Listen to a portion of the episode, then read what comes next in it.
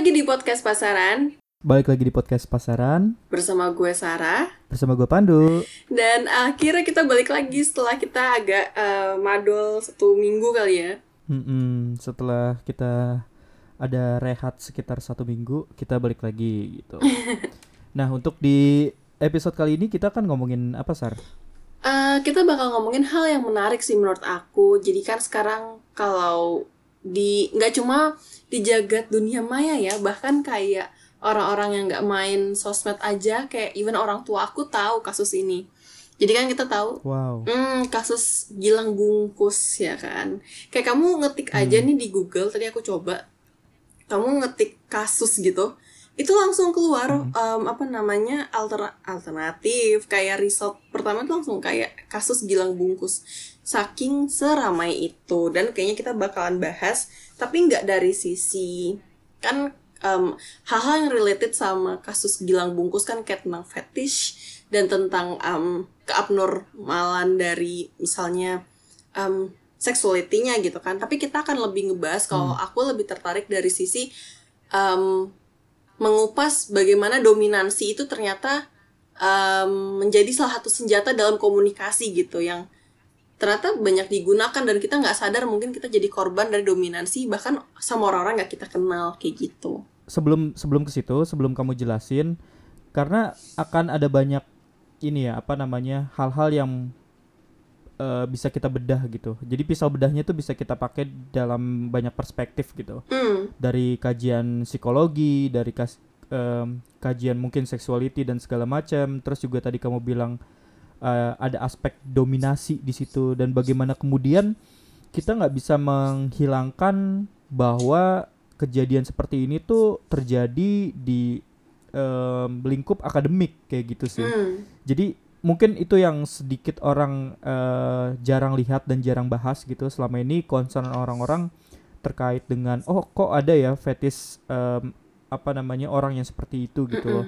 Dan gue pun ketika melihat atau membaca berita itu juga eh, dan mengikuti kasus itu juga menganggap kayak wow ini sesuatu yang bener-bener apa ya unexpected gitu gitu loh. Maksud maksud gue susah dijelasin gitu kayak lo lo untuk membayangkannya aja tuh lo nggak nyampe gitu tapi ternyata ada gitu Mhm. di di Indonesia kayak Mhm. gitu sih.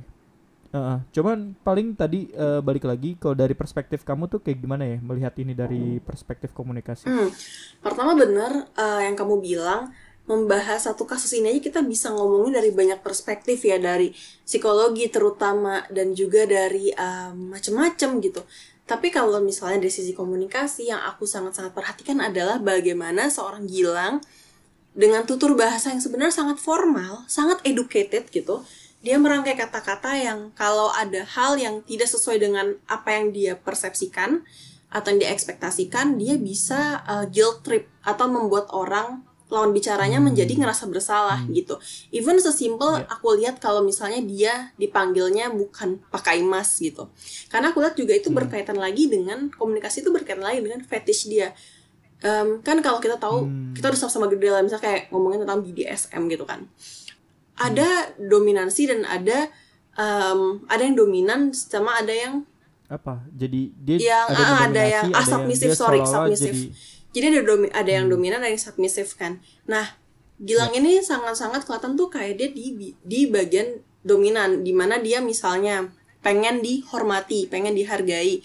Dari sisi dia pengen dipanggil Mas, dia pengen kalau dia ngomong tuh misalnya ada beberapa yang aku perhati kayak gini, misalnya em, eh, malam deh misalnya fallback ya. Kalau orang itu nggak bales atau cuma ngomong oke doang, dia marah gitu. Dan dia beberapa poin tuh kayak ngomong harusnya kamu jawab kayak gini ya. Dia tuh ada fantasi-fantasi yang dia tuh pengen dihargai, dihormati gitu. Itu udah membentuk Hmm, komunikasi hmm. dia menurut aku tuh dia udah menciptakan Ya. percakapan sendiri sebenarnya dan di saat orang-orang nggak sesuai sama ekspektasinya dia akan Betul. marah dan akan guilt trip jadi ibaratnya kayak oh kamu kurang ajar ya aku kata-kata yang paling sering dia gunakan adalah kamu kurang ajar kamu nggak sopan anak SMA em, nggak ngerti eh, tata krama kuliah seperti itu banyak kata-kata itu tuh dia sering gunakan gitu jadi em, Hmm. ya itu sih ya, satu hal yang sebagai pembuka dari yang kita akan bahas gitu hari ini ini menarik banget sih buat kayak kita obrolin. Kalau kamu sendiri ngeliat Hmm. kasus ini tuh kayak gimana sih? Em, tadi tuh sempat pas kita sebelum take tuh eh, pas kamu bilang kayak kita kan bahas apa gitu ya kita kenapa nggak bahas si Gilang bungkus ini kayak gitu Hmm. terus aku kepikiran kan kepikiran tuh sebelum take gitu pertama adalah eh, nih orang tuh punya em, apa ya sisi manipulatif yang cukup tinggi gitu Agree. Nah, jadi eh, sebenarnya dia tahu gitu kondisi di mana lawan bicaranya itu punya titik kelemahan gitu. Jadi si apa namanya manipulator ini, dia dia dia sebagai orang yang memanipulasi si korbannya itu, itu tuh punya apa ya? Dia intinya tuh tahu gitu sisi lemah si lawan bicaranya itu di mana dan cara ngegunainnya itu kayak gimana. Makanya tadi dia em, apa namanya eh, menggunakan kata-kata dari perspektif tadi ko- komunikasi kamu gitu kata-kata yang kemudian dia pengen dihormati dan segala macam ya kalau misalnya nggak sesuai dia akan marah Hmm. atau misalnya apa ya dia menunjukkan kalau misalnya sisi ideal ketika berkomunikasi dengan let's say kayak senior tuh harus kayak gimana. Dia kan dia menggunakan kayak gitu gitu loh. Tapi ada satu hal lagi yang kemudian aku em, ini ya apa namanya aku pikirkan gitu. Ini mungkin juga nggak nggak nggak banyak orang juga yang kemudian em, bahas gitu ya. Bagaimana kita lihat kan kalau dilihat sendiri kan eh, arus komunikasinya itu kan langsung direct gitu ya langsung private ke area pri- private si target gitu let's say si em, apa namanya dan itu dilakukan semua kalau nggak salah lewat Instagram kan DM Instagram kayak gitu Mostly, mostly ada beberapa Iya yang kan? WhatsApp juga. Oh WhatsApp Dan WhatsApp ada lain, juga ya yes. mungkin ya awalnya pasti pintu masuknya itu kalau nggak salah kan dia lewat lewat platform itu dulu bahwa kemudian eh, nanti dipindahkan dia bla bla bla untuk pers- apa namanya memudahkan komunikasi lewat WhatsApp eh, itu hal yang hal yang lain tapi aku mau lihat tadi sempat ini ya sempat sempat aku singgung juga terkait dengan bagaimana kita juga miss melihat ini sebagai eh, kejadian ini tuh terjadi di wilayah akademik gitu. Selama ini mungkin banyak keluarga gitu ya atau banyak orang tua itu lebih berfokus kepada mereka menyiapkan atau mem- mereka memiliki ekspektasi terhadap anaknya untuk bisa masuk ke perguruan tinggi negeri atau enggak ke jurusan yang mereka inginkan. Tapi ada hal ada gap yang kemudian aku lihat kenapa ini terjadi adalah eh, orang tua itu juga nggak pernah apa ya eh, memberikan bekal yang cukup kepada anak-anaknya untuk eh, tahu eh kehidupan di kuliah tuh nanti akan seperti apa kayak gitu. Lo akan berhadapan dengan siapa dan segala macamnya gitu. Jadi bukan apa ya makanya ada yang ngebahas kayak misalnya kenapa nggak langsung eh, marah aja gitu ketika misalnya mereka si si Gilang ini memaksakan segala macam kondisinya tuh nggak bisa dibuat seperti itu gitu loh. Si anak-anak ini tuh melihat kayak bayangan ketika apa ya bayangan mengenai perguruan tinggi itu em, wilayah yang sangat abu-abu di mana mereka juga nggak punya gambaran apa pun gitu. Ketika mungkin em, seharusnya mungkin dari dari orang tua memiliki em, memberikan bekal kalau misalnya lo nanti ketika kuliah lo akan berhadapan dengan ini ini ini segala macam. Dan kayak misalnya memberikan bekal di mana kayak lo harus lebih bertanggung jawab dan menganggap kayak di usia lo saat ini ketika lo masuk kuliah lo tuh harus berpikir kayak setiap orang tuh punya kepentingan. Terus juga eh, bisa jadi perkuliahan itu menjadi wilayah yang cukup rentan Hmm. Nah itu yang kemudian topik-topik itu yang em, yang nggak yang belum dibahas sih kayak gitu.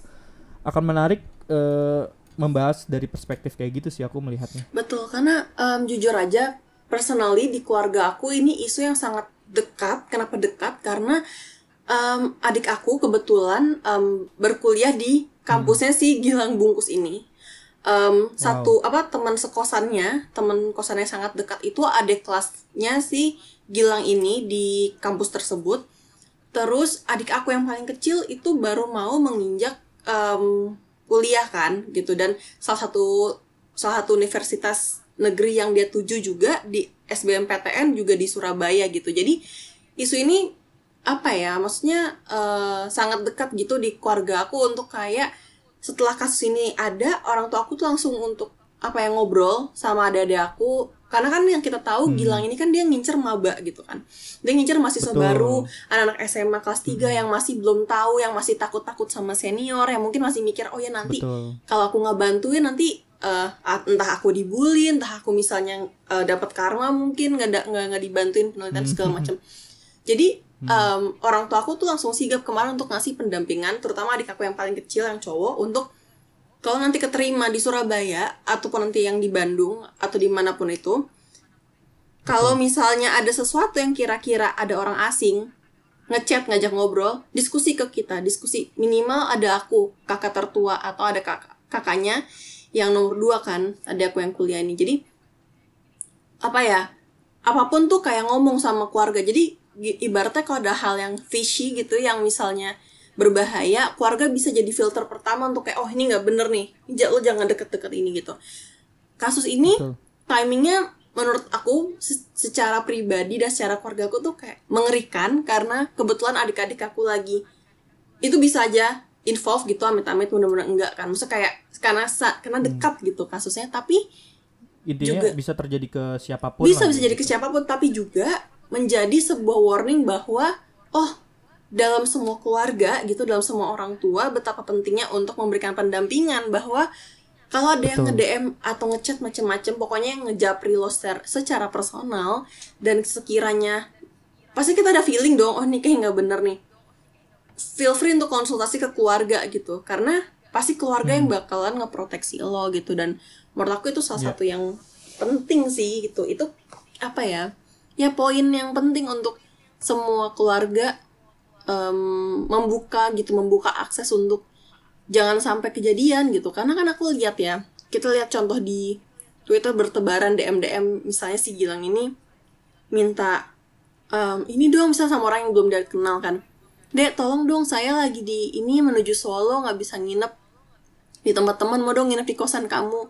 Hal-hal yang kayak gitu itu kan Hmm, apa ya orang-orang yang mungkin naif masih nggak tahu apa-apa nggak kepikiran ke sana. Kan mungkin kayak nggak nggak nggak berpikir oke ini bahaya. Tapi kalau misalnya berkonsultasi dengan keluarga terdekat atau dengan teman yang mungkin lebih tua misalnya yang lebih apa ya yang udah lebih dewasa gitu pasti kan ada oh kayaknya ini nggak bener nih. Jadi ada ada filter di situ ada proteksi gitu sih. Hmm. Em, iya seperti yang tadi aku bilang gitu di mana kayak kasus ini tuh membuka ini ya membuka mata banyak orang di mana kayak khususnya untuk tadi em, wilayah terdekat orang tua itu bisa memberikan pendampingan. Ya, kayak mungkin selama ini kayak eh, mereka aktif untuk mencari sekolah anaknya gitu ya mencari eh, kampus gitu. Eh, ya bahkan mungkin ada beberapa eh, orang tua juga yang masih em, apa ya memiliki mindset yang cukup konservatif di mana kayak mereka mereka memaksakan anaknya untuk berada di jurusan apa segala macam. Tapi eh, melihat kasus ini kita akhirnya melihat kalau misalnya ada hal lain yang harus di diperhatikan gitu. Di mana em, yaitu tadi masa-masa perkuliahan tuh masa-masa yang cukup rentan kalau menurut gua gitu.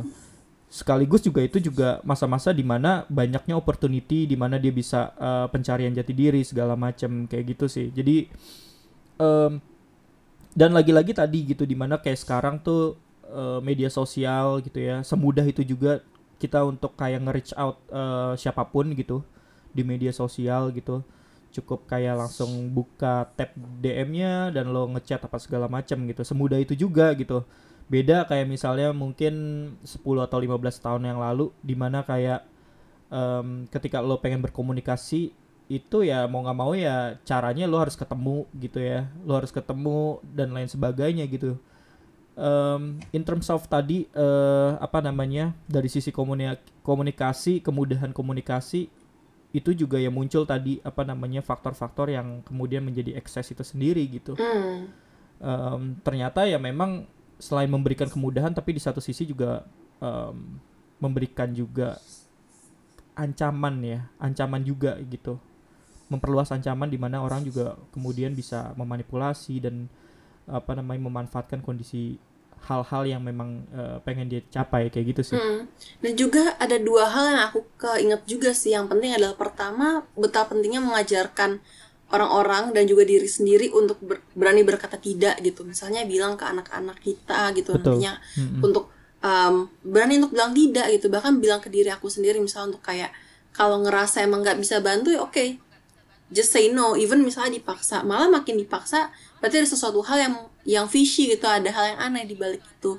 Dan yang kedua aku lihat adalah perannya peran orang tua dalam mungkin bukannya untuk apa ya bukannya untuk mengekang tapi untuk minimal mensuper supervisi lah memantau pergerakan anaknya. Misalnya kayak Gilang ini kan dia nulis di bio di bio Instagramnya gitu a proud be man gitu kan maksudnya hmm. kalau misalnya orang tuanya mungkin main sosmed gitu melihat mungkin bisa ngajak ngobrol gitu kan ada hal yang dia pengen utarakan misalnya gitu tapi dia nggak pernah cerita orang tuanya hmm. nggak tahu gitu um, apa ya maksudnya kalau masuk ke kerana LGBT kan itu juga hal yang masih nggak banyak orang bisa terima dengan tangan terbuka di Indonesia kan especially nah maksudnya mungkin sebenarnya tuh butuh ngobrol mungkin atau apa sama keluarganya tapi kan keluarganya nggak ada gitu hal-hal kayak gitu mungkin aku melihatnya tuh bisa di prevensi gitu bisa dihindari sejak dini karena yang aku lihat juga aku coba pelajari kasusnya Gilang ini udah kayak gini dari bangku SMA gitu sudah sejak hmm. lama lalu bertahun-tahun bertahun-tahun yeah, yeah. korbannya juga banyak tahun 2017 2018 jadi kan it keeps going on ya dan di di channel YouTube hmm. dia juga banyak gitu loh komentar-komentar misalnya dia nyari apa video-video praktikum orang-orang yang dibungkus kain jarik gitu untuk praktikum agama. Terus dia akan akan ini akan benar-benar bilang dan selalu pola gini, selalu akan selalu akan memperkenalkan diri dengan alma maternya. Saya Gilang gitu kan dari dari universitas ini gitu untuk uh, apa membangun jati dirinya gitu melihat apa menunjukkan bahwa dia tuh orang yang matters gitu saya ada uh, dari yeah. orang ini terus uh, apa kampus ini terus bisa minta namanya nggak bisa minta DM-nya nggak atau kontak IG-nya hmm. atau kontak WhatsApp gitu-gitu kan itu kan pola yeah. dan maksudnya dan banyak sekali orang yang apa ya namanya banyak sekali orang yang kena gitu itu yang aku ngerasa saat dia tuh damage gitu kayak dari awal mungkin bisa diprevensi jika ada support dari orang-orang terdekat sih gitu. Hmm. Um, ya pertama-tama sih menurut aku dari dulu tuh aku nggak punya ini ya nggak punya um, romantisasi terhadap institusi gitu. Ketika gua ngobrol dengan siapa pun gitu, gua nggak pernah kayak ngelihat kayak lo datang dari mana, terus kayak oke okay, kayaknya nih secara institusi lebih bagus, terus gua kayak lebih uh, apa namanya menaruh kemudian ekspektasi terlalu tinggi atau memberikan hal-hal yang nggak sewajarnya gue berikan gitu. Karena dari dulu gue juga um, dilatih untuk kayak mempertanyakan hal-hal yang ini kayaknya nggak sesuai deh gitu. Tapi kan lagi-lagi itu nggak nggak nggak dimiliki oleh semua orang gitu ya. Kayak misalnya um, gue juga cukup cukup privilege di mana gue juga punya punya support system gitu. Gue punya keluarga yang um, memberikan akses misalnya kayak pendidikan lo akses terhadap informasi buku dan lain sebagainya. Dan itu membuka kayak kemudian hal-hal yang selama ini uh, mungkin lo nggak bisa reach out kayak gitu. Tapi di sisi lain kan banyak juga orang di luaran sana apalagi mereka yang baru masuk bangku kuliah um, punya fasilitas itu gitu loh kayak misalnya dulu pas gue kuliah awal-awal ya uh, eh, gue punya gue punya kakak gitu. Gue tahu uh, bagaimana dia dulu cukup aktif ya maksudnya di wilayah aktivisme mahasiswa segala macam gue tahu gitu uh, perjalanannya gitu. Kemudian juga gue sempat nanya gitu sama dia gitu lo ada ada buku nggak yang pengen um, pengen banget gue baca gitu? Lo rekomend gue dong buku yang harus gue baca gitu. Terus dia ngasih rekomend satu buku gitu ya. Sebelumnya aku pernah bilang ini ke kamu kan. Itu uh, bukunya Paulo Freire yaitu uh, judulnya itu pendidikan kaum tertindas gitu di mana kayak itu membuka banyak perspektif tentang pendidikan gitu. Dan itu lagi-lagi tuh sebuah privilege gitu yang yang gue miliki gitu. Gimana gue punya punya apa namanya uh, ekosistem gitu ya punya keluarga yang bisa diajak ngobrol gitu dan gue juga dari dari dulu juga selalu kayak mempertanyakan banyak hal dan lain sebagainya gitu. Makanya ketika saat di bangku kuliah banyak hal-hal yang eh, hal-hal yang tidak ideal kemudian gue dengan segala apa namanya ekosistem yang gue punya gitu teman-teman yang gue punya ya gue mencoba mendobrak atau mempertanyakan hal-hal yang berada di kampus gitu. Karena selama ini juga uh, mungkin banyak hal yang memang tidak ideal gitu di kampus yang tidak dipertanyakan dan akhirnya dilanggengkan gitu. Bahwa kemudian kayak aspek-aspek kayak senioritas dan segala macem gitu. Gue dari dulu juga nggak pernah melihat kayak ketika dia senior gue gue harus hormat dan segala macemnya gitu. Ketika uh, ibaratnya bahasanya kayak ketika dia melakukan sesuatu yang tolol gitu ya atau memberikan informasi yang yang salah dan segala macam gue berhak mempertanyakan atau bahkan dalam konteks yang lebih apa ekstrim ya gue bisa melawan itu kayak gitu sih. Mm, iya dan maksudnya um, senioritas ini juga hal yang menurut aku kunci yang dimainkan oleh Gilang gitu bahwa dia merasa dominan dia punya power Betul. saat dia mengapproach orang orang-orang yang di bawah dia usianya gitu.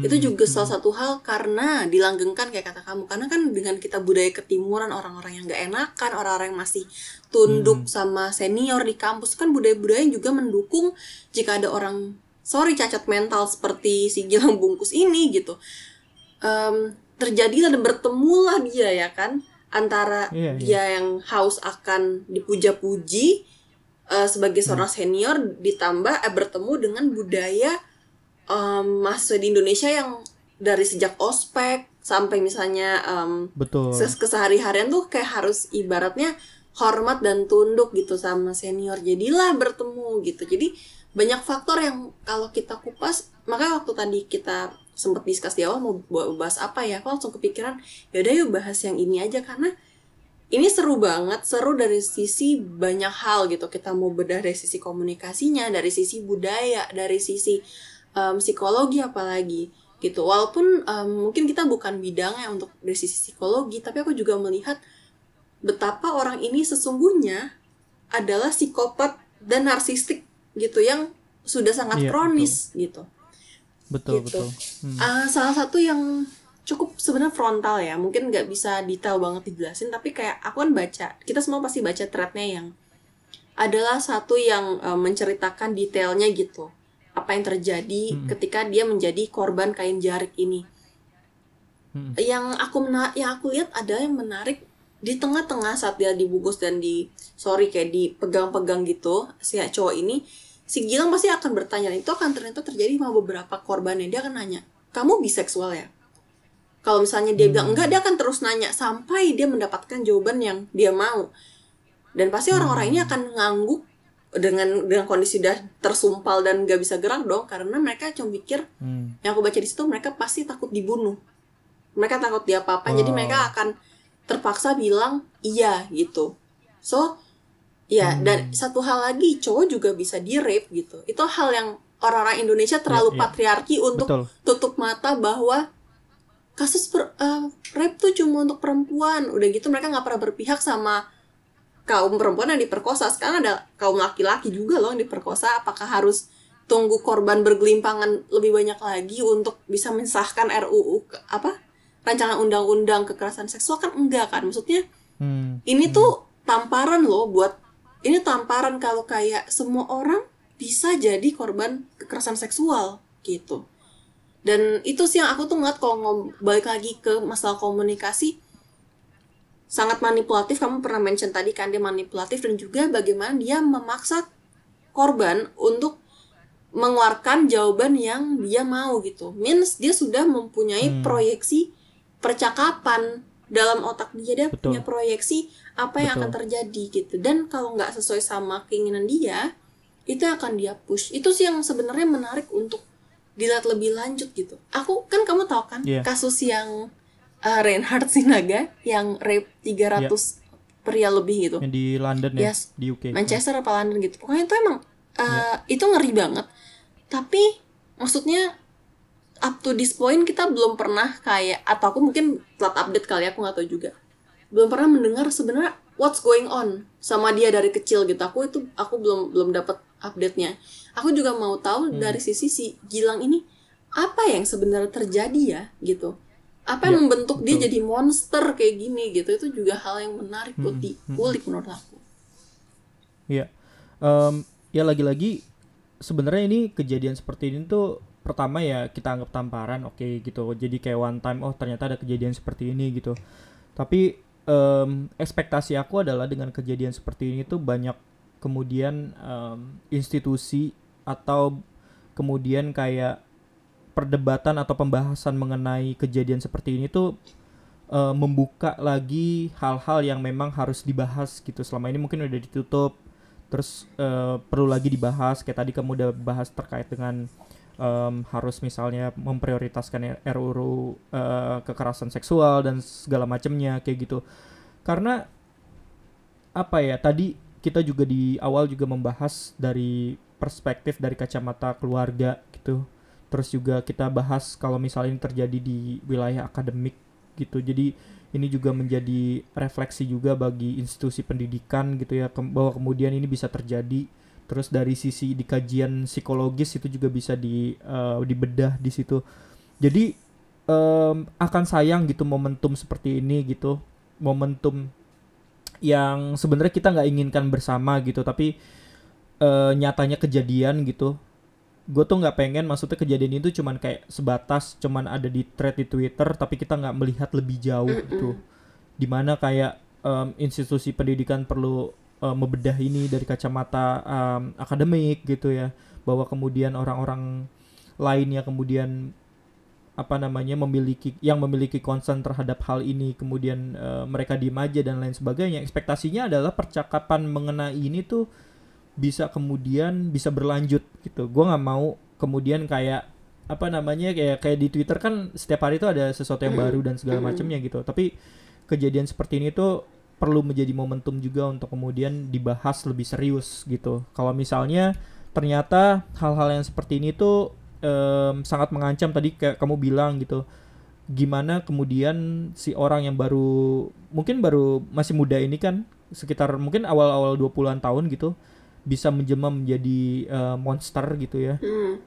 dan dia lakukan itu secara apa ya secara bertahun-tahun gitu. Di mana dia juga em, secara cerdik gitu ya memiliki apa ya kemampuan untuk mengeksploitasi sisi lemah dari si calon korbannya sih kayak gitu. Karena dia step by step tuh dia tahu gitu kemungkinan-kemungkinan yang terjadi gitu. Eh, dan apa yang harus dilakukan dari respon-respon si korbannya gitu hingga akhirnya eh, dia bisa apa namanya eh, mendapatkan keinginannya gitu ya dari ya itu tadi untuk apa namanya eh, untuk melakukan tadi tanda kutip kayak kekerasan seksual kayak gitu sih. Betul, dan aku juga berharap bahwa ada delik aduan, maksudnya kayak ruang untuk em, aduan-aduan em, korban kekerasan seksual tuh em, ini ya, maksudnya lebih banyak gitu. Kan kalau kita kemarin sedikit menyinggung ada soal sindikasi ya, jadi kayak ada ternyata tempat di mana misalnya untuk pengaduan kekerasan seksual ternyata ada yang mungkin tidak semua bisa mendapatkan penanganan di situ gitu. Nah, aku tuh berharap bahwa ke depannya apa khususnya di ruang-ruang kampus ya karena di universitas juga banyak sekali. Kita nggak nggak nyebut apa bisa bilang semua kampus pasti ada kasus-kasus kekerasan seksual either itu kebuka atau enggak gitu. Tapi em, aku berharap akan banyak ruang-ruang untuk tempat orang bisa mengadu gitu. Karena kan ini ada Twitter gitu. Sekarang syukurnya orang-orang bisa satu dua bisa speak up terus akhirnya semua merasa untuk kayak oke membuka ruang untuk bisa cerita gitu. Tapi alangkah lebih baik kalau ada juga tempat-tempat yang formal yang dilindungi oleh hukum juga gitu dan berada di ruang-ruang pembelajaran ruang kampus untuk kalau ada orang-orang yang mengalami hal-hal seperti ini mereka bisa ngadu dan melindu dan dilindungi gitu sama kampus. Dan aku sangat apa ya aku respect sih sama universitas ini gitu karena nggak kayak universitas em, PTN sebelah gitu yang di Jawa Tengah yang kita tahu kasusnya di tahun 2018 kayak apa kan tentang kekerasan seksual yang di ketika KKN U- udah ada respon dari ini ya dari kampus ya Hah? Udah, udah. Jadi karena kebetulan ada. adik aku BEM di kampus yang ini, em, apa namanya? Kan dia apa responnya apa dia kan ini apa namanya BEM FIB ya. Apa eh, dia kan anak sastra Indonesia si Gilang ini. Jadi BEM FIB langsung bikin surat edaran untuk me- apa? menindaklanjuti gitu, menindaklanjuti dan bikin apa namanya? em, ibaratnya tim investigasinya lah gitu. Jadi em, mereka langsung bergerak ketika kasus ini beredar gitu. jadi mereka udah nggak mikir kayak oh ya demi nama baik segala macam sa kalau memang ada yang harus mereka turun tangan mereka turun tangan gitu kalau yang kasus sebelah kan kita tahu dari tahun tahun lalu tuh betapa orang-orang marah gitu kan karena justru orang yang si korban si penyintas ini melaporkan bahwa dia mengalami tindak kekerasan apa pelecehan seksual lalu dia malah um, dipersulit gitu. Malah nggak ada dapat dukungan dari kampus karena merasa mencemarkan nama baik kampus. Jadi itu yang aku berharap gitu ya ke depannya ekosistem di Indonesia ini lebih melindungi para penyintas gitu. Mau cowok mau cewek siapa pun. Even rap dalam pernikahan tuh ada loh dan itu juga harus um, dilindungi gitu. Jadi itu sih gitu harapannya bahwa kasus ini tuh membuka mata banyak orang banyak um, spesialis gitu kasar either dari hukum either dari um, psikolog atau dari dunia pendidikan bahwa monster kayak gini ada dan jangan sampai ada korban-korban kain jarik selanjutnya atau korban-korban uh, kekerasan seksual dalam konteks apa pun selanjutnya gitu sih kalau dari aku. Hmm, kalau dari aku sih Thailand nama baik kampus.